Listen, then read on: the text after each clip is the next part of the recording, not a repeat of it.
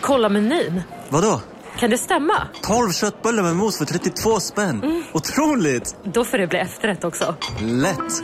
Onsdagar är happy days på IKEA. Fram till 31 maj äter du som är eller blir IKEA Family-medlem alla varmrätter till halva priset. Vi ses i restaurangen på IKEA. Ja? Hallå? Pizzeria Grandiosa? Ä Jag vill ha en Grandiosa capriciosa och en pepperoni. Något mer? Mm, kaffefilter. Ja, Okej, okay. ses samma. Grandiosa, hela Sveriges hempizza. Den med mycket på. Dagens vinnarprognos från Postkodlotteriet. Postnummer 65209, klart till halvklart och chans till vinst. 41101, avtagande dimma med vinstmöjlighet i sikte. Övriga 10 500 postnummer soligt och möjlighet att vinna. Oavsett när sommaren kommer till dig så kan du och dina grannar få dela på 48 miljoner i sommaryran. Ta chansen nu i maj på Postkodlotteriet.se. Åldersgräns 18 år. Kontakta stödlinjen om du eller någon anhörig spelar för mycket. Vill du lyssna på fler poddar efter dagens avsnitt kan du alltid ta och lyssna på Skarpt Podcast som handlar om djupare och samhällskritiska frågor och även på Magic Monday ifall du vill höra något lite mer spirituellt. Vill du veta mer besök gärna deras Instagram skrpt.se och magicmonday.se. Nu börjar Spökpodden.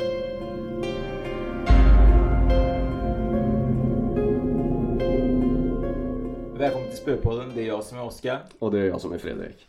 Har du bakat idag Fredrik? För att jag äter ju och mumsar på en fantastiskt god cola strösselbulle till säga, men eh, kokostopp. Ja, kokostopp. Kolakaka ja. ja. Nej, det är inte jag som har bakat den här gången, men eh, jag brukar ju baka till dig. Mm, du brukar ju göra det. Jag brukar ju inte vilja äta då, men idag gör jag det. Idag gör du det? Ja, ja det är lite kors i taket här faktiskt. Mm, faktiskt. Jag pratade ju med Anna sist gång och då sa hon så här, men jag, vi gör inga mackor till dig längre när du kommer för att du äter ju aldrig. Men du äter bara ost? Mm, nu äter jag bara ost och kolakaka framöver. Ja, ja, det är fantastiskt. Eh, vi har ju haft en superspännande vecka ju. Vi har ju lanserat eh, för några veckor sedan Seans Online. Det har vi gjort.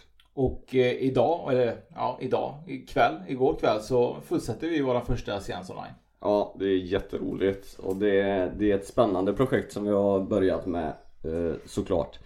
Vi byggt upp en plattform för seanser online helt enkelt.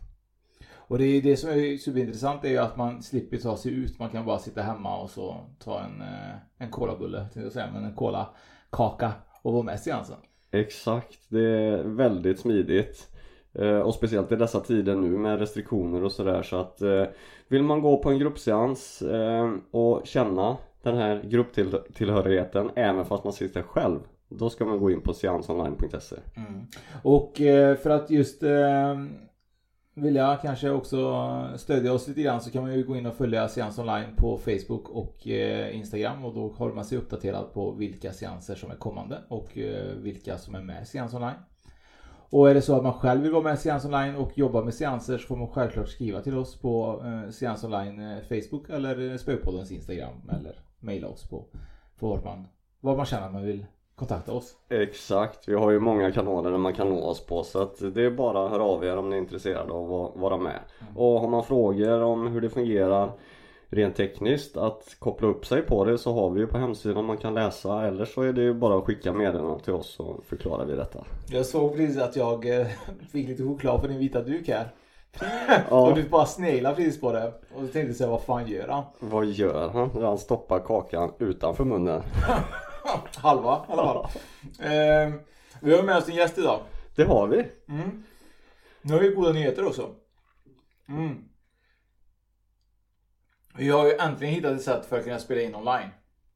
Vi har gjort det. Ja. Absolut. Så nu kommer det ju även vara så att vi kommer hitta nya gäster framöver som kanske bor längre bort som är också superintressanta. Men nu slipper vi kanske åka land och rike som vi gjorde det sist gången vi tog oss hela vägen till Nigeria 2000 20. Ja jag tänkte säga det. Nu behöver vi inte åka till Nigeria för att träffa nya poddintervjuoffer utan vi har hittat, precis som du säger, en möjlighet att spela in online. Mm. Uh, och det kommer bli helt suveränt. Och eh, vissa avsnitt kommer även vara eh, videoinspelat så man kan gå in på vår Youtube-kanal och kika. Absolut. Eh, för er som eh, har missat eh, förra veckans Youtube-klipp inför Restagård med Anton Hysén och Anna Strandlind så ligger den ute. Och nu inför söndag som kommer nu kommer även del 2 släppas. Ja, och det var ju en riktig resa när vi var där och spelade in. Så att missa inte det på Spökpodden Youtube-kanal. Så, jag tycker att vi har snackat för mycket om oss själva nu Fredrik. Det är dags att vi tar in gästen va? Ja, det är det. Välkommen! Tack! Hon har bara suttit där helt Jag tyst bara ju. sitter här och tittar och tittar och pratar och pratar. Eller hur? Du får gärna presentera dig för att eh, du har ju ett andligt namn som du har bytt till men eh, Therese Elisabeth eh, är ju ditt fullständiga Ja, kan man väl säga. Precis, för det var faktiskt för ungefär, det är nog nästan ett år sedan precis nu faktiskt, som jag bytte över. För jag hette Therese från början och bytte över då till att heta Elisabeth. Men Therese Elisabeth har jag alltid hetat under en väldigt lång period sedan jag haft mitt företag då. Jag tänker lite grann, det är det som är intressant. Varför känner du dig som en Elisabeth? För jag tänker, när jag, när jag tittar på dig så tänker jag ju dig som Therese. Eh, I mitt huvud. För Elisabeth känns ju ofta som ett betydligt äldre namn. Mm. Och i mina ögon så känns det som att du är i alla fall eh, i 30-årsåldern. Men, men Det var ju fel det också då Ja, men jag, jag, jag var ju tvungen att säga det i, i, tjejpodd då. Men, men, ska vara. Men, men, men det känns ju ändå fortfarande som en Therese. Så du får gärna förklara varför du känner dig som en Elisabeth. För det känns inte rätt i mina ögon. Eller hur känner du? När du tittar på henne? Nej men jag har ju hela tiden sett dig som ett dubbelnamn. Jaha. Du har Eh, sett mig så på Facebook. Exakt. så det är bara det, på det viset jag har kommit i kontakt med dig. Så att jag, jag har inte samma upplevelse som du där. Nej. Men när du klev innanför dörren så kändes det att det, så här, ja, men det där ser ut som en Therese. För att du är lik en Therese jag känner. Ah. Men, men det kan vara det som är kopplingen. Men du får gärna förklara varför du känner dig som en Elisabeth. Eh, Alltså det var väl, det var något som växte fram ska jag väl säga. Alltså jag har aldrig tänkt på att jag ska byta namn under hela mitt liv. Men däremot så har jag alltid känt ända sedan jag var liten, heter jag verkligen Therese? Jag vet att jag satt ofta så här och funderade. Therese, Therese. Och så satt jag så här och funderade, heter jag verkligen så? Ja det gör jag nog för mamma säger ju det liksom och sådär. Så, att, men jag, så jag har alltid haft det med mig att heter jag verkligen det?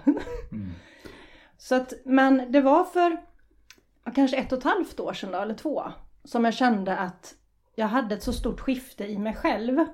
Och då blev det som att, nej men jag är inte Therese längre, för jag hade förändrat så mycket i mig själv.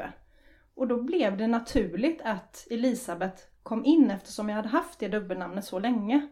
Och dessutom när googlar man på Elisabeth så står det faktiskt också för att den som Gud talar genom typ. Och det var ju det jag kände att min mission är i det här livet. Så att det blev ganska klockrent.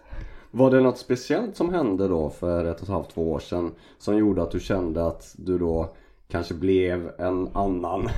Eller ja, du det, förstår är vad jag också, menar. ja, det har också varit en process. Alltså, det har varit många år som jag har jobbat jättemycket med personlig andlig utveckling och gått allt mer själsligt in i mig själv och fått, fått reda på med vem är jag där på djupet. Eh, Så att det har ju varit en process som har varit över flera år. Men just i den vevan när jag kände att jag skulle byta, då var det verkligen att jag kände det som att men nu går jag ifrån mitt gamla jag. jag. Jag är inte Therese längre. Och då blev det ett, ett statement för mig själv att nu, är, nu, tar jag ur den rollen liksom. Kan det vara lite grann så att det blir som en transformation? Ja. Liksom, så här, att man har varit i en puppa och sen blir man en? Precis så. så. Ja. Precis så. Det var liksom den känslan och då kände jag att nej men då är det lika bra att byta nu för då började jag också ett nytt eh, jobb. Eh, som gjorde att ja, men det är lika bra att de lär känna mig som Elisabeth. Så jag, då körde jag loppet ut liksom att nu gör jag det. Men reagerar du till Elisabeth när folk bara typ såhär Elisabeth och, och Ja, ja. det var inte så att de tyckte att du var så nonchalant och bara så här, Nej, nej, nej. ignorerad? Nej, nej, det enda just var det var väl- jag ja. Det enda var väl i början, jag vet för jag sitter ju då och jobbar med telefon så att jag sitter och svarar i telefon. Så det var ju några gånger i början där som att Hej och välkommen, eh, du pratar med Therese, just det. Alltså, så att det hände ju några gånger och sen märker jag med mig själv att berättar jag någonting för någon som har hänt förut när jag hette Therese, då säger jag Therese. Okej. Men då var jag ju också Therese så att det är inte så konstigt. Men då blir det för ah nu såg du också fel. Alltså, ja, fast jag var ju Therese då. Ja, men det är ju lite spännande så att prata om sig själv i tredje Ja. form så med, med namn också. Ja, precis. Det är jättesvårt. Ja. Om inte annat så finns det folk som gör det men jag, jag skulle aldrig klara av det. Prata med själv i tredje person. Jag gör nog det ganska ofta. Tror jag, faktiskt. ja, jag tror det. Ja, Gör du också det Fredrik? Om jag gör? Ja. Nej, nej, jag gör inte det om mig själv men ja, jag vet inte vad det beror på. Att eh, en del gör det och är bekväm, bekväma med det och det, man kan ju ändå som jag upplever när man har pratat med vissa att de kan prata om sig själva så att det låter okej. Ja. Andra kan prata om sig själva för att kanske briljera eller, Eller lyfta lite upp. Eller, ja, ja precis, eller lite schizofrent ja, lite så va. Vem är du, vem är jag? Det är lite så med Elisabeth eh, eller Therese. eh, Det kanske är så att du ändrar personlighet också. Ja, du får säga vad du vill. Jag Nej, jag bryr mig inte så men mycket. är det en skillnad personlighet på Therese och Elisabeth? För jag ja men det är det. Det är det, det, är det. Alltså Mm. den människan jag var när jag började gå in i det här andliga. Alltså jag var dummande. Framförallt mot mig själv. Alltså jag satte vad jag än gjorde så tänkte jag att ah, men nu sa jag fel eller nu gjorde jag fel eller jag var perfektionist i allt, kontrollant så in i Norden. Mm. Och till och med så att jag sa till min man att när han gick och dammade så gick jag ju där och liksom ställde tillbaka allting precis som det skulle vara på fönsterbrädan. Han sa till mig att du, jag tänker fan inte damma en enda jävla gång till, du får göra det själv. Och han gjorde inte det på säkert 15 år. 15 år. Han, han är envis när han vill. Tur att det var bara det då. Jag vet att det var någon gång jag sa sen efter några år, men du, du skulle inte kunna damma idag så tar jag dammsugaren. Nej, det får du själv. Ja, ja, ja. Jag, jag träffade eh, en kille som, eh, som jag jobbar med, men han bodde i Tyskland. Men han eh, kunde flytande tyska, han kunde flytande franska och så flytande engelska. Och jag kan ju flytande spanska och jag kan flytande svenska och engelska. Och, och det var någonting som han sa till mig som jag aldrig har tänkt någonsin på tidigare. Det var att han sa att när man kan olika språk så blir man lite schizofren. Jag har aldrig tänkt på det. För att när jag pratar spanska då är jag en helt annan person än vad jag är när jag pratar svenska. Man är mer högljudd, man är mycket mer, så här, som händerna mycket mer gestik, jag. Du går in i kulturen Ja. av eh, språket på Och något blir en sätt. helt annan människa än vad jag är när jag pratar svenska. Ja. Och det har jag aldrig tänkt på. Det är lite så, man är lite schizofren när man byter bara språk. Så Ja. jag kan tänka mig att man blir det även när man byter namn. Jag var nog schizofren innan tror jag. Så det kanske inte gjorde så mycket. Nej, precis. Det är inget som kommer sådär Det bara, bara- med, ett, bara med ett namn. Ja. Men eh, om vi inte pratar om namn så, så har du egentligen hittat din andliga resa och, Ja. och när började det? Ja du, det beror ju på hur man ser på saken. Eh, man kan ju ta det så långt tillbaka när föds själen. Den har ju liksom ett uppdrag. Eh, eller är det när man gick in i det här livet? Eller är det vissa... Eh, för att som sagt var jag har alltid känt, ända sedan jag var liten, att det är någonting som, som jag inte förstod och som andra inte kunde förklara för mig. Alltså det här andliga har alltid funnits med. Och jag har ju inte uppväxt i en familj, det var ju till och med autister liksom i min familj som inte trodde på Gud. Men jag har alltid bett till Gud av mig själv. Jag har ju inte lärt mig det från någonstans utan jag bara gjorde det. Så att det har alltid funnits med. Och jag har alltid känt väldigt mycket saker. Och det var något jag förstod när jag gick en mediumkurs för det kan vara 10-15 år sedan nu när jag började liksom komma in på det här mediala. Att då fattade jag ju att men vad fan, jag har ju känt det här jämt. Alltså när jag började ta in andar och började jobba med andekanalisering så, men så här har jag ju alltid gjort. Och det fattade jag då, när jag liksom förstod känslan av det. Eh, men de här stora genombrotten, det har väl varit första liksom där jag kände att det var något som drog tag i mig. Att det, det var någonting på insidan som ville få liv. Det var faktiskt under min andra förlossning. Där jag hade en barnmorska som eh, hon fick mig, då var jag fortfarande den här kontrollanten, den dummande jäkeln. och hon fick mig att känna att jag var duktig när jag låg där och födde barn. Alltså hon fick mig att känna att fan jag kan ju det här, det här är ju coolt liksom. Alltså det blev en sån jätteupplevelse. Så då bara jag kände att när jag, när jag träffade den här människan att sån vill jag bli. Jag vill bli en människa som kan få fram den där styrkan i utsatta situationer. Alltså där väcktes någonting i mig. Och då tänkte jag ju först att jag skulle bli barnmorska, så det var därför jag började utbilda mig till sköterska och sådär. Sen kom jag aldrig så långt för det hände massa andra saker på vägen. Eh, Så det var liksom första grejen, att någonting väcktes till liv på insidan. Eh, Och sen det andra, det var, det är nog sju år sedan i år tror jag. Sju eller åtta. Eh, Där jag åkte iväg på en resa, en veckoresa ner till Kos. Och då var det en resa som handlade om självledarskap. Eh, och på den här resan så var det som att jag gick in i mitt själsliga uppvaknande. Det fattade jag inte då, men det var någonting som bara klickade till och jag kände att jävlar vad livet är fantastiskt. Och då där nere på den resan så förstod jag ju att Ska jag må så här bra som jag gör nu? Ska jag känna mig så här levande som jag gör nu? Där allting är okej, okay, vad jag är. Då kan jag inte fortsätta jobba som sköterska. Mm. Och på den vägen då så började jag sen att arbeta med för att bibehålla det. För att när man kom hem till det vanliga då faller man ju in i mönster. Så att det var ju en jädra resa under de här åren att plocka bort allt det som låg i vägen för att jag skulle vara den personen. Var det lite så i samma veva som din sambo började damma igen då efter 15 år? Ja det var nog det, jag tror det. Någonstans där. För då fattade han väl att jag inte skulle gå in och kontrollera. Men han gör det väldigt sällan fortfarande. Den satte sig hårt liksom.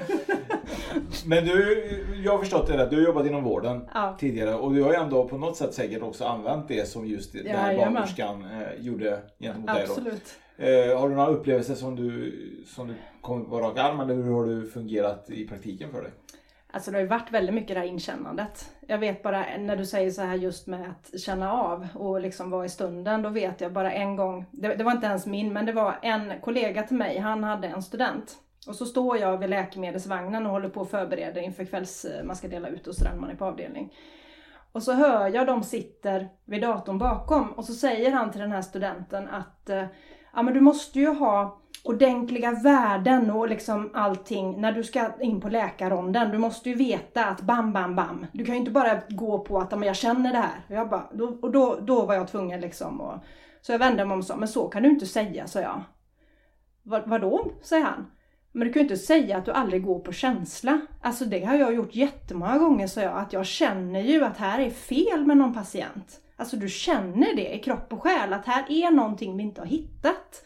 Och när jag sen har gått och sagt det till läkaren, då har man ju tagit prover som man kanske inte hade tänkt förut och då hittar man ju fel. Mm. Så att, så kan du inte säga till en student, så tar jag. Och han blev väl lite såhär, okej. Okay.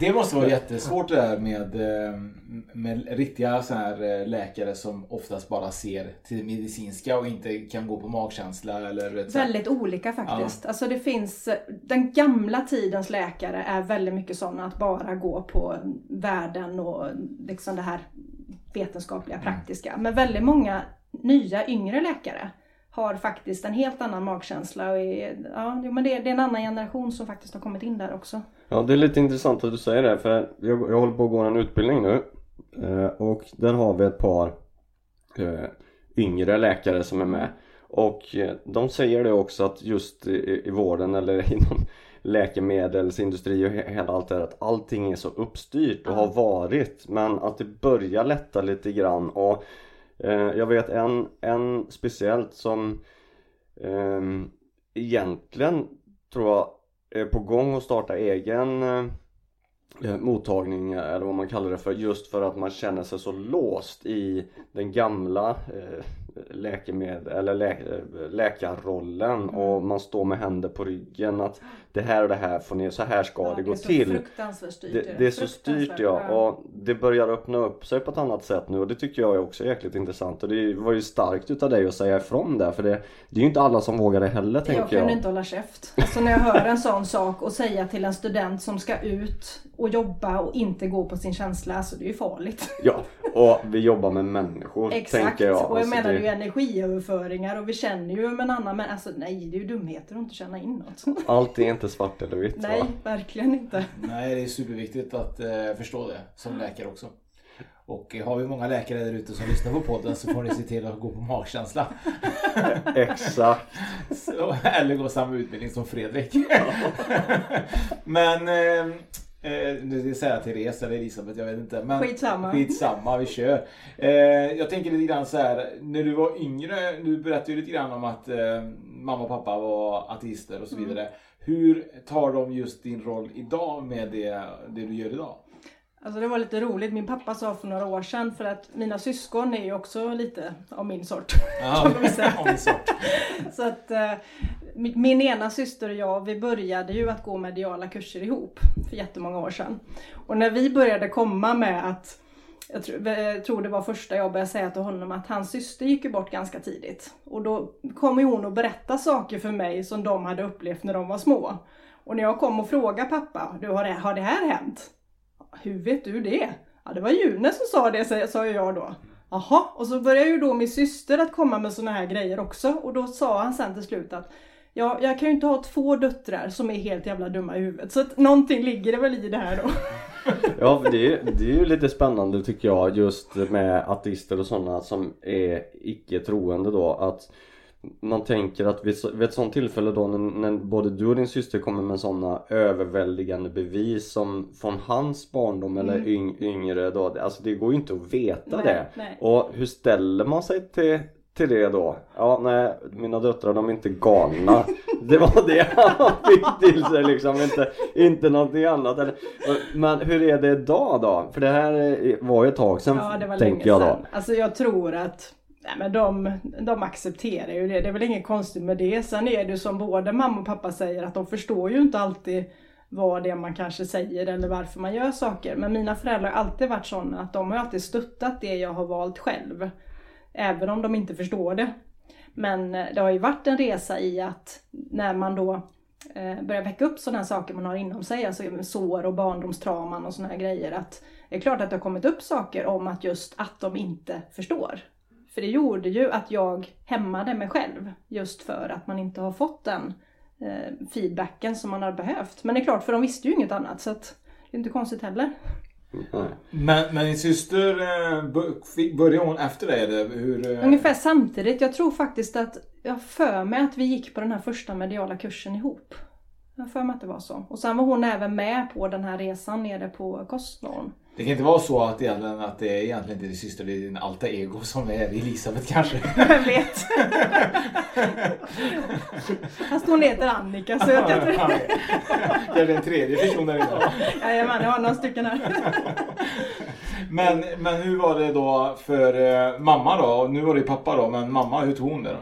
Nej men hon har ju också öppnat sig mer eftersom jag jobbade så mycket just det här med att eh, läka människor och kom ju väldigt mycket in på det här med healing och att hur kan människan läka naturligt med hjälp av det själsliga och andliga.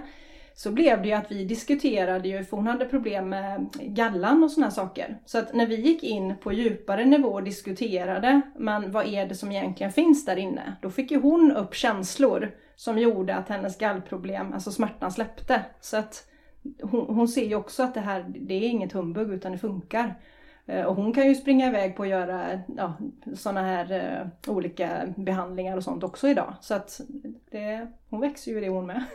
Ja, och det är väl så också just det med när man möter eller träffar sådana som in, egentligen inte tror på det att när man får till, tillräckligt mycket bevis eller vad man ska kalla det för så det- går inte att, att bortse från det då. Nej, sen de här som absolut inte vill tro, de kan du aldrig övertyga hur Nej. mycket du vill ändå. Det är liksom ingen idé ens försöka. Men som sagt var, mina föräldrar har ändå alltid varit öppna för någonting, även om de inte förstår det. Och idag så kan ju de också sitta och prata att ja men det var väl den som kom där, eller det var väl den som gjorde det. Så att de, det har blivit ganska naturligt för dem också tror jag. Ja. Har du upplevt eh, bo, bara ljust, eh, ljus energi jämt? Eller har du varit med om en, typ en mörk energi någon gång som du, eller, någon, eller ljus upplevelse som har varit, åh det här var något över det vanliga? Eh, alltså som jag ser det, allting är ju både ljust och mörkt på samma gång. Alltså mörker kan ju inte existera utan ljus och tvärtom. Så att eh, det, det beror också på hur man väljer att se det. Sen har jag inte varit på eh, Jo, jag har varit på energiplatser där man kan känna att det är, det är inte trevligt att vara. Det känner jag ju. Att här, här är det, det blir ju nästan som att hela kroppen bara... Det blir tungt. Ja, det blir jättetungt. Eller man får svårt att andas. Och så, här, så det har jag upplevt. Men inte att det har hänt eh, konstiga eller läskiga saker så. Det har jag inte varit med om egentligen. Nej. Det tycker jag också är ganska intressant ändå. För jag tänker lite grann så här att man hör ju väldigt mycket om eh, typ, det mörka och det ljusa självklart.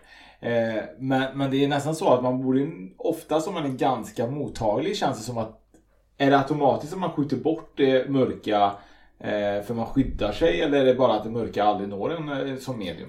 Alltså jag tänker så här att ju mer ljus du är i själv så kommer liksom inte mörkret åt. Och det, det märker jag ju för att förr kunde jag ju vara jätterädd. Jag vet bara i början att jag var livrädd när, jag vet när min man han jobbade eh, kvällar på Saab i Trollhättan. Och eh, då var jag ju hemma själv och så skulle jag gå upp för trappan upp till vårat sovrum. Och jag vet att de kvällarna när han jobbade, jag var så jävla rädd för jag kände ju att det var någon som följde efter mig. Och så jag sprang ju upp och så bara slängde mig ner i sängen och så täcket över liksom och så låg jag ju där tills jag kände att nu, okej okay, nu är det lugnt. Och så var jag hos ett medium. Jag kommer inte ihåg hur långt senare men det var ett bra tag senare. Och så sa varför är du så rädd när du ska gå och lägga dig? Ja, det är ju någon som är efter mig. Ja, men det är bara din guide säger hon. Han vill ju bara liksom, ja men nu följer jag med dig upp. Och när jag sen fick reda på det, ja men då var det ju inga problem. Mm. Så att det handlar ju också om kunskap. Alltså vad är det egentligen i den här energin? Vad finns det för någonting? Att våga känna på det. Ja, och det är väl lite så också, kanske med vissa saker att eh, rädsla är ju någonting som man skapar själv på ja. något sätt. För det är ju när man blir rädd så är det ju för någonting som man inte känner till. Mm. Och när man väl får fakta eller får information om vad det är så kan man ju skingra mycket. Synoptik här! Visste du att solens UV-strålar kan vara skadliga och åldra dina ögon i förtid? Kom in till oss så hjälper vi dig att hitta rätt solglasögon som skyddar dina ögon. Välkommen till Synoptik. Nej. Dåliga vibrationer är att gå utan byxor till jobbet. Ah. Bra vibrationer är när du inser att mobilen är i bröstfickan. Få bra vibrationer med Vimla. Mobiloperatören med Sveriges nöjdaste kunder enligt SKI. Upptäck hyllade XPeng G9 och P7 hos Bilia. Våra produktspecialister hjälper dig att hitta rätt modell för just dig. Boka din provkörning på bilia.se xpeng redan idag. Välkommen till Bilia, din specialist på X-peng. Rädsla tänker ja, jag. Precis. Eh, så det, jag håller med dig där just det att, att man faktiskt får reda på vad, vad, vad det är. Och sen så tyckte jag det var väldigt intressant det som du sa så att där det finns mycket ljus dit har ju mörkret svårt att ta sig. Det är, mm. det är ju bara att tända en lampa. Alltså ja. skuggan kommer aldrig fram till lampan Nej. så länge den är tänd. Nej, så att jag tyckte det var en fantastiskt bra liknelse. Mm. Så det, det, det, är säkert så att lite hur man är som person också hur eh, öppen eller mottaglig man är för de olika sidorna då. Mm. För det är ju två motpoler, mörkt och ljust ja. såklart. På samma gång som det är ett. Alltså ja. universum som sagt var allting motpoler plus minus. Det... Och nu när du pratar om ljus då är det så faktiskt att eh, vill man aldrig någonsin få mörker på sig så ska man verkligen gå in på jaktbelysning.se För de har helt sjuka fantastiska lampor, eller ficklampor, eh, som vi använder på våran eh, spökjakt. Så in och eh, skriv eh, jaktbelysning.se och använd vår rabattkod SPÖKPODDEN så får ni 10% på ert köp. Absolut, och vill man se hur den funkar så gå in på Spökpodden Youtube och kolla på våran film när vi är på nästa gård så får ni se hur magiskt bra de ficklamporna är. Ja, de tänder ju tydligen ska den ficklampan eh, tända. Den heter väl eh, AMC 45 och sånt där. Och den tänder ju upp en hel fotbollsplan bara ficklampan. Ja, ja det är sjukt är det. Ja, det. Man, man, blir blind om man tittar i den. Ja. Så Gör tack, inte det. så tack hjälpbelysning för den. Eh, men fortsätta snacka om de här mörka energierna så tänkte jag fråga dig eh, när ni pratade om det så fick jag bara en tanke.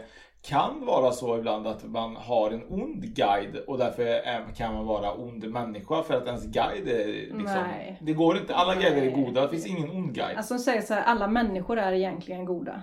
Men det, beroende på att har man kommit så jävla långt ifrån sig själv då kan du göra onda handlingar, då kan du bli ond. Mm. Men ingen människa är ju ond. Om du tittar på en människa som föds, det finns ju inget ont i en liten bebis.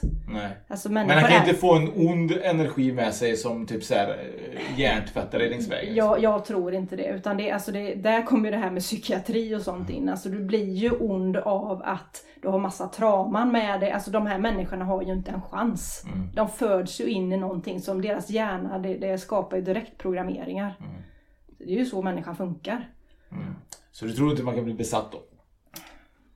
Jag vet faktiskt inte, för jag har inte varit inne och forskat i de där grejerna. Så det är också, jag tror ju också att man blir utsatt för det man på något sätt ska jobba med, tänker jag. Så att eftersom jag inte ska in i de där krokarna, in i massa och liksom eh, ut besatta hus och sånt där, så, så då har inte jag varit mm. med om det. Mm. Vad tror du om det Fredrik? Tror du att eh, människor kan bli besatta av eh, onda andar? Uh, ja, det är en svår fråga. Uh, jag vet ju då när vi pratade med Nu står det helt still i huvudet. Uh, Andreas? Österlund. Precis. Då berättade han att han var i, var det i Tjeckien? Joska. I Horska ja. Och att han, han blev väl kanske inte besatt där men han träffade på någon ande eller något väsen som gjorde så att han blev ond för en sekund där när han höll på att trycka ut Jocke ner för trappan eller vad det var. Så att ja absolut, jag, jag, jag litar ju fullständigt på Andreas. Så att absolut, jag tror nog att man kan bli påverkad och göra saker och ting som man egentligen inte vill göra. Mm. Det tror jag.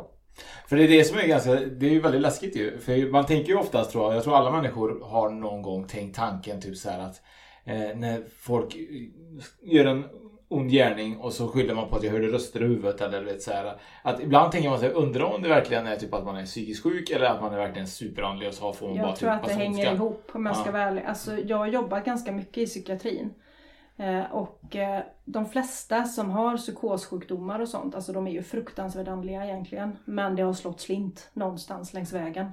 Eh, och att de inte har fått rätt hjälp liksom för att gå in i det här.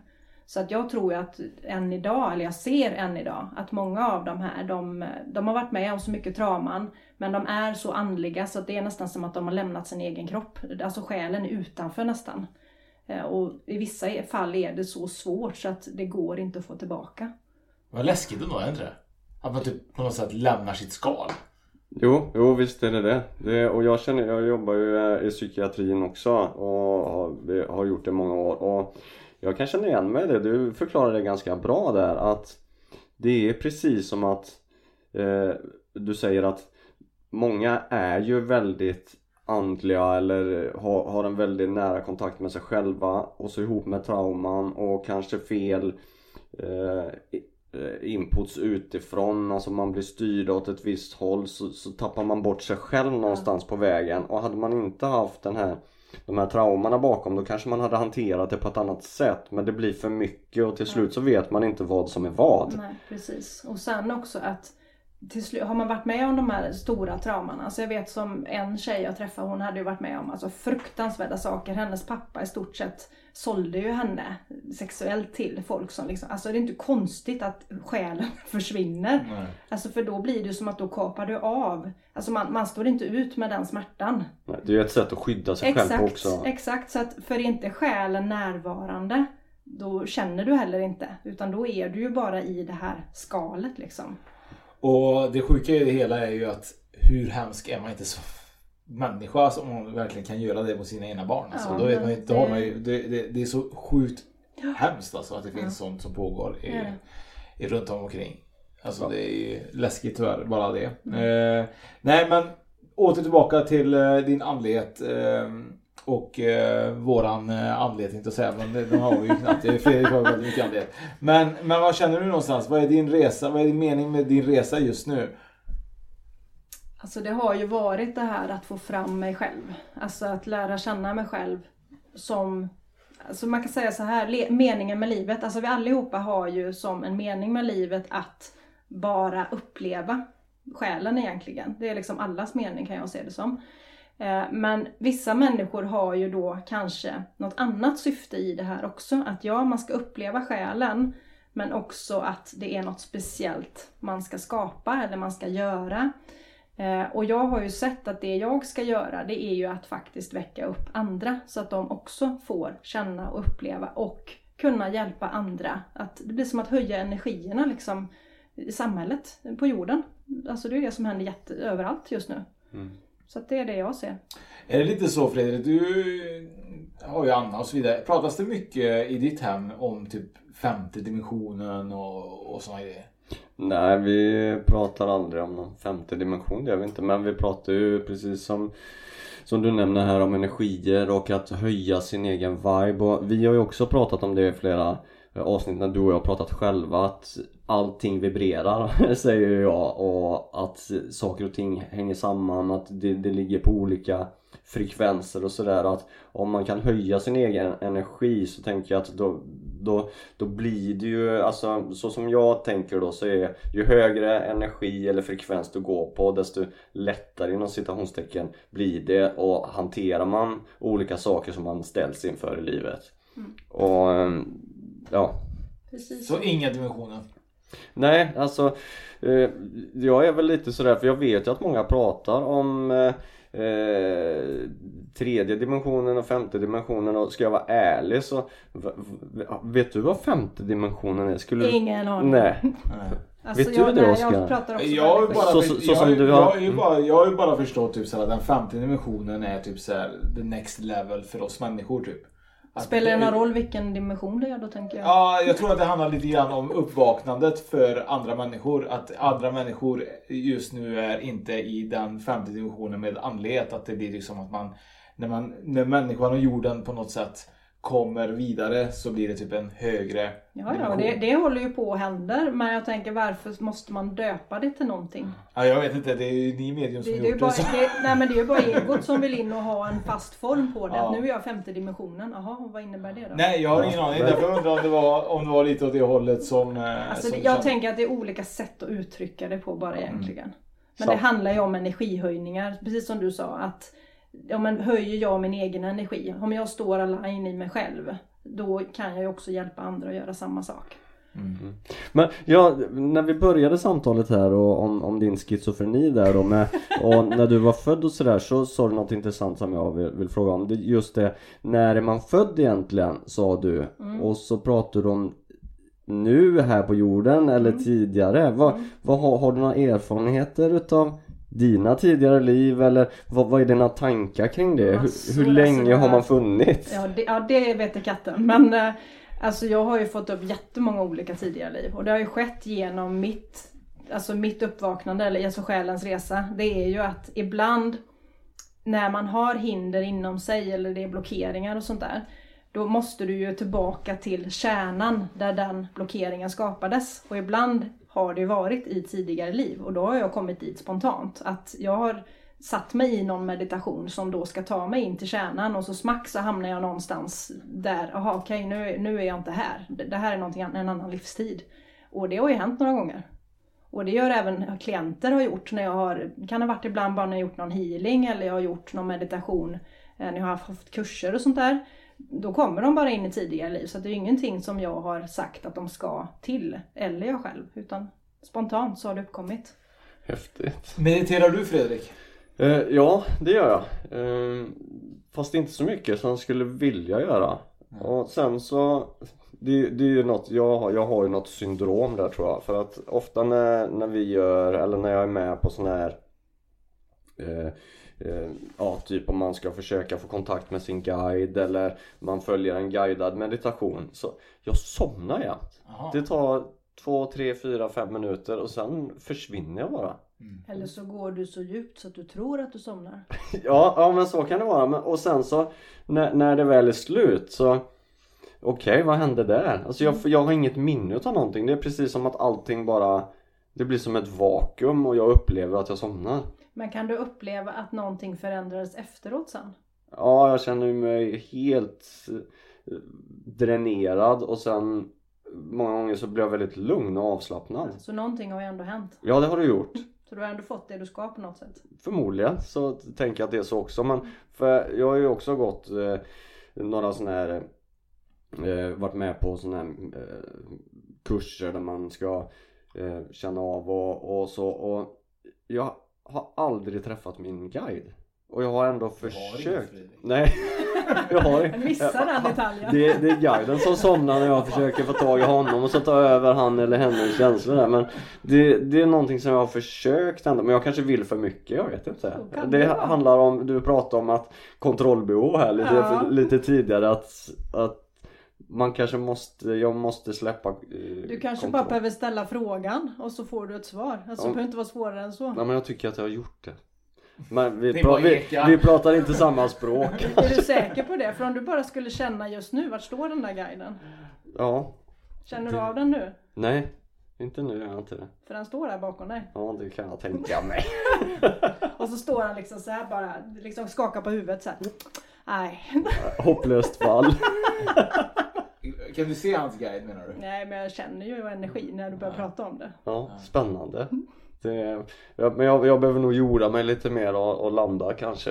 Ja, för det kan ju vara det här att komma i stillhet så att man känner att ja, men nu är jag... För att det är inte så svårt egentligen att ta kontakt. Alltså det kan man göra också genom att bara skriva och så låta nästan som en sån här, eh, vad heter det? Eh, Automatskrift. Automatskrift eller? ja, precis fast du ber om att du ska bara... Så skriver du bara exakt det du får till dig. Och då kommer du ju märka att det inte är du själv som skriver till slut. Ja, det, jag får ju gå en kurs hos dig tror jag. Det här är ju Jag superspännande. skulle behöva det på jobbet känner jag. Låt- Låt någon annan skriva åt mig.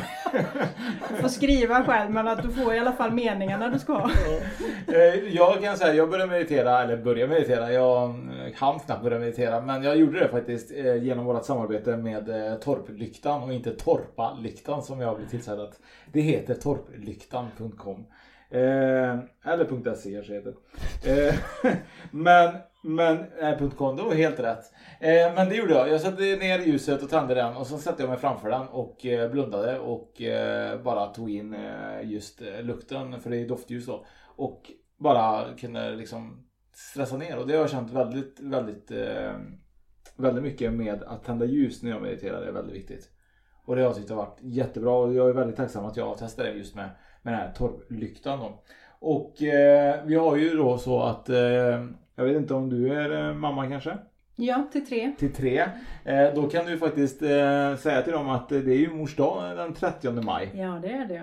Och då är det så att då tycker jag de ska uppskatta det genom att gå in på torplyktan.com. Jag ska hälsa dem det. Och då får de ju en rabattkod då som, som ger dem 25% på hela köpet. Och det gör man genom att man klickar in spökpodden 25 i kassan. Eh, och sen är det så att vi pratade lite grann sist om just att eh, om eh, lite hur man skulle tända ett ljus och man skulle låta den. Eh, du kom ju med lite tips där. Ja, jag gjorde det. Ja, du gjorde det. Och eh, då fick vi tillbaka ett mail från Torplyktan för de har ju lyssnat på avsnittet. Och eh, då är det så att det är väldigt viktigt att något som är riktigt big no-no det är stearin. Och det de använder då är ju soja, sojavax. Och eh, de använder sojavax som är förnyelsebar och naturlig bas. Så det är väldigt viktigt att veta. Eh, tipset är att inte blåsa ut ljuset. Eh, du bör ha minst igång det 15 minuter till att vaxet smälter ut jämnt då. Så du var ju inne på det här eh, spot on ju Fredrik. Eh, och du bör ha ditt ljus, eh, du, bör, eh, du bör ej ha ditt ljus igång mer än 2-3 timmar då lågan blir för varm. Och att det blir risk för att den blir stor vilket vaxet då smälter ojämnt. Och då att jag lät min tänd, vara tänd i 15 timmar på jobbet eh, kanske inte var så, så bra. Jag borde kanske ha läst mejlet innan. Du borde ha gjort det ja.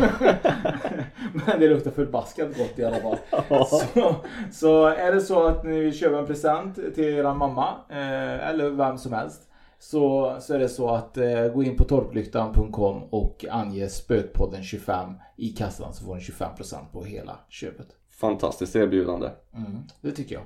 Så in här tillbaka Elisabeth och eh, Therese. och, och berätta för dina sex barn. Som också. Fick jag tre till också. så, så blir det svinbra. Eh, men vi pratade lite om guider. Vad är- Vem är din guide? Ja, det, är det är också en rätt rolig historia för den bytte faktiskt för några år sedan. Jag hade en guide eh, som jag har haft med mig hela livet. Det visste jag inte heller från början men jag, jag kände ju det sen att jo, men det är den här trygga energin jag har haft hela livet. Och så kom jag till en punkt i mitt liv där eh, det var också en sån här transformation som jag gjorde just då. Och så säger den här guiden till mig att jag ska lämna dig nu. Jag bara va? Du är min livsguide. Ja men jag ska, jag ska gå nu. Jag Nej, så ska det ju inte gå till. Alltså nej, jag har ju läst i böcker överallt att har man en livsguide så har man. Ja, men då säger han så här för att jag kan inte hjälpa dig mer nu, utan vill du utvecklas så måste du byta. Och då måste jag gå, för nu har jag gjort det jag kan. Och blir jag jaha.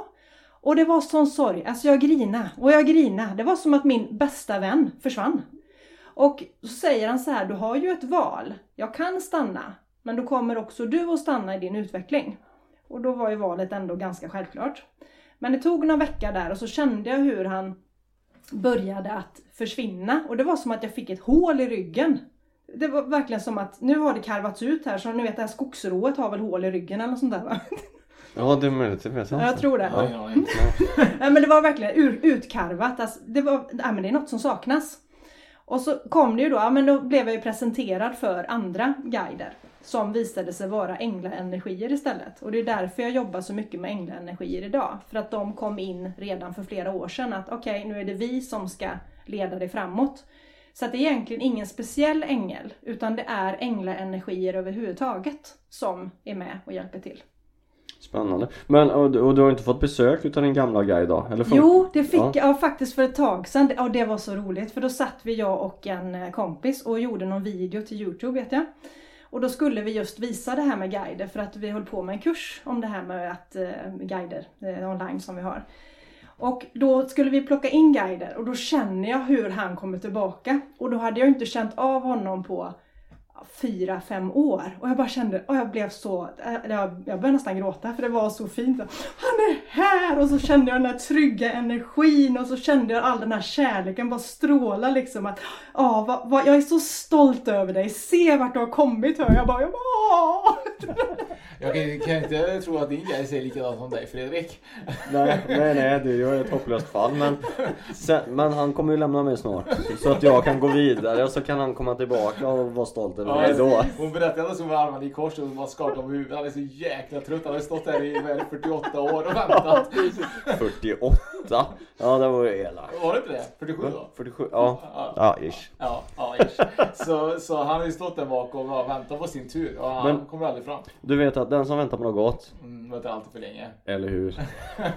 Men jag tänker lite grann så. Eh, en guide då som eh, i det här fallet då Fredriks guide då som mm. aldrig kommer fram till eh, till, till skott. Blir inte det här frustrerande någonstans? Jag har andra uppgifter jag måste göra.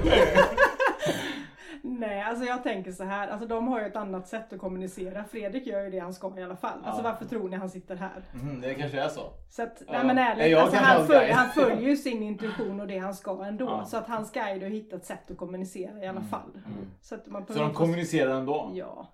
Men en guides uppgift, tror du att, att den guidens uppgift som du hade nu då, gick han till då en mindre eh, duktig medium? Ingen aning.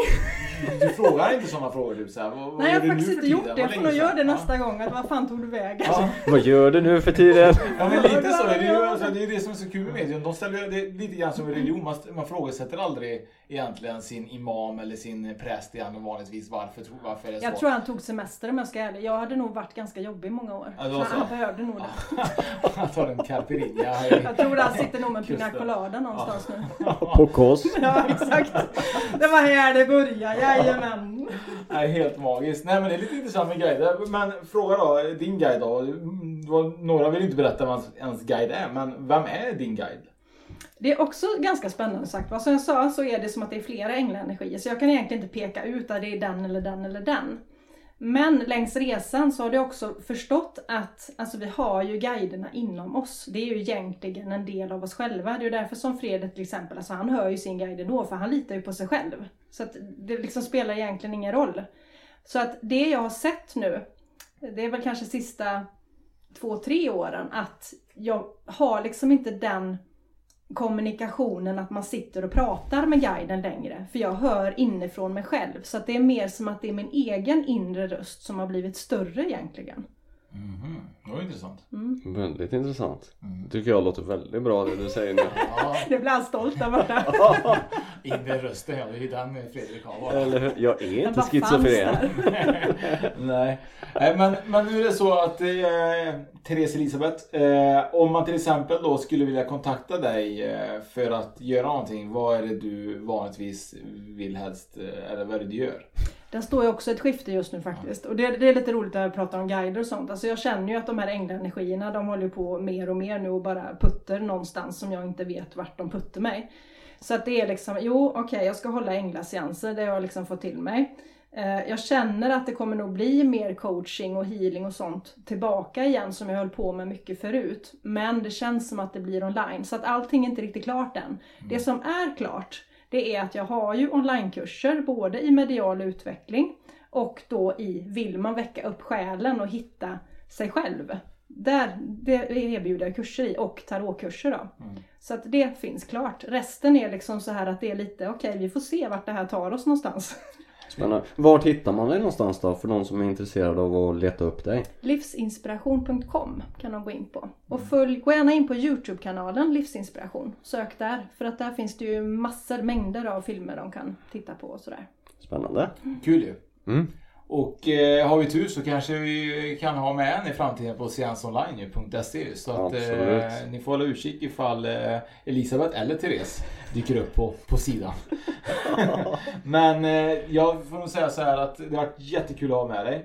Eh, fantastisk energi. Absolut, alltså, det bara strålar här Ja. inne och det strålar om dig också. Ja, så det är underbart samtal. Så det har varit jättekul. Eh, och eh, vi är tacksamma ifall man eh, supportar oss genom att man skriver eh, förhoppningsvis eh, fina kommentarer på iTunes eh, om man lyssnar på, på podcaster-appen. Eh, ju mer recensioner ju mer växer vi också. Eh, in och eh, följ oss på Instagram jättegärna och där lägger vi upp faktiskt lite nya saker. Vi lägger upp allt från lite spökliga bilder till som idag, du hade rätt upp om, eh, om skratt. Ja. Och lite sånt och det är ju superintressant. Visst är det.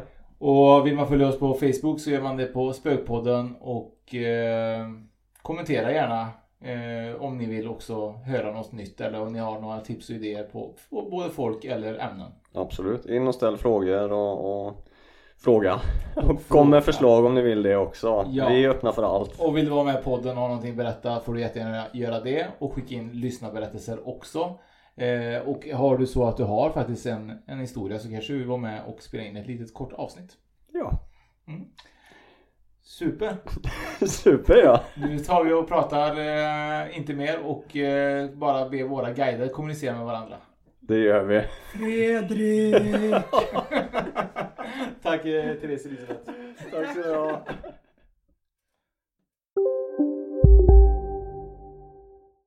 Finns det något bättre än riktigt gott färskmalet kaffe på morgonen? Det skulle väl vara en McToast med rökt skinka och smältost. Och nu får du båda för bara 30 kronor.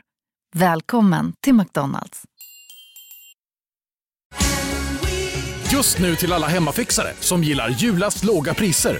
En slangvinda från Gardena på 20 meter för vattentäta 499 kronor. Inget kan stoppa dig nu. Välkommen till Unionen. Jo, jag undrar hur många semesterdagar jag har som projektanställd och vad gör jag om jag inte får något semestertillägg? Påverkar det inkomstförsäkringen? För jag har blivit varslad, till skillnad från min kollega som ofta kör teknik på möten och dessutom har högre lön trots samma tjänst. Vad gör jag nu? Okej, vi tar det från början. Jobbigt på jobbet. Som medlem i Unionen kan du alltid prata med våra rådgivare.